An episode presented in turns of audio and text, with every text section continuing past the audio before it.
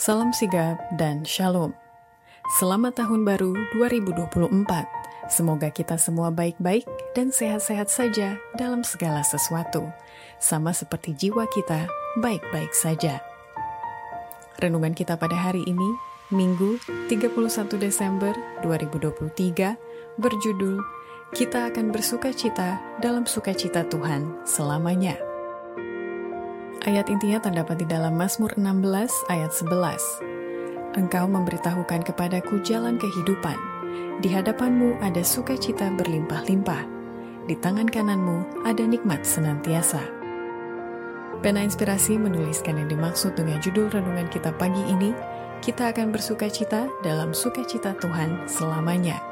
Adalah suatu kebahagiaan yang abadi agar kita senantiasa memiliki pengharapan – dengan mendengarkan kabar sukacita sebagai faktor yang menunjang kebahagiaan sejati dan sarana untuk memulihkan hubungan kita secara vertikal kepada Tuhan dan horizontal dengan sesama sebagai berikut.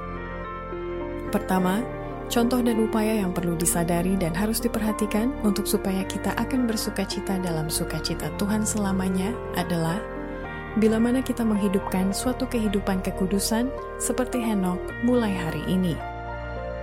Henok menghadapi penggodaan-penggodaan sama seperti kita. Dia dikelilingi oleh masyarakat yang tidak lebih bersahabat terhadap kebenaran dibandingkan dengan yang mengelilingi kita.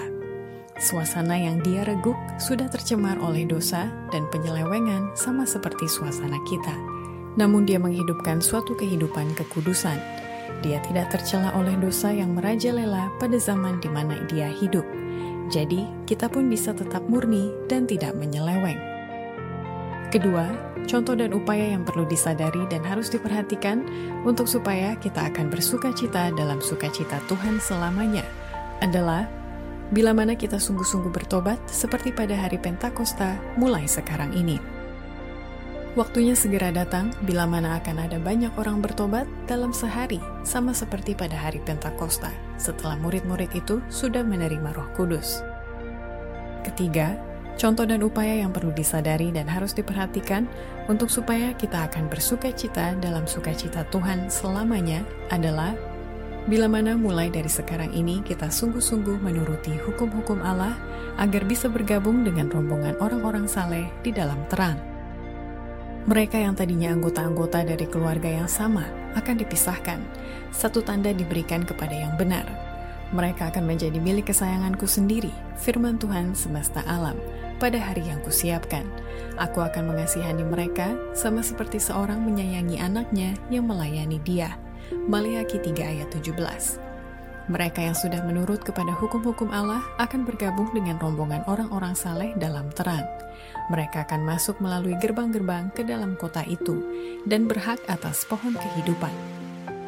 Keempat, Contoh dan upaya yang perlu disadari dan harus diperhatikan untuk supaya kita akan bersuka cita dalam sukacita Tuhan selamanya adalah bila mana kita terlibat dalam mewartakan Injil kebenaran kepada setiap orang mulai dari sekarang ini. Kita tidak akan dituntut karena terang yang belum sampai kepada pengertian kita, melainkan karena terang yang kita sudah tolak dan ingkar.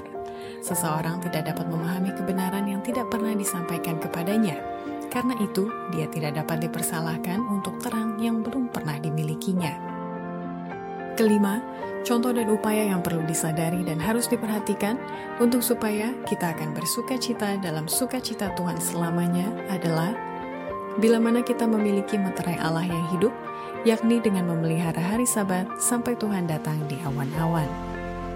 Suatu tanda diterakan pada setiap orang dari umat Allah – sama seperti sebuah tanda yang ditaruh di atas pintu rumah bangsa Ibrani untuk meluputkan bangsa itu dari kebinasaan umum. Allah menyatakan, hari-hari sabatku juga kuberikan kepada mereka menjadi peringatan di antara aku dan mereka, supaya mereka mengetahui bahwa akulah Tuhan yang menguduskan mereka. Yeskiel 20 ayat 12 Demikianlah renungan kita pada hari ini, kiranya Tuhan memberkati kita semua.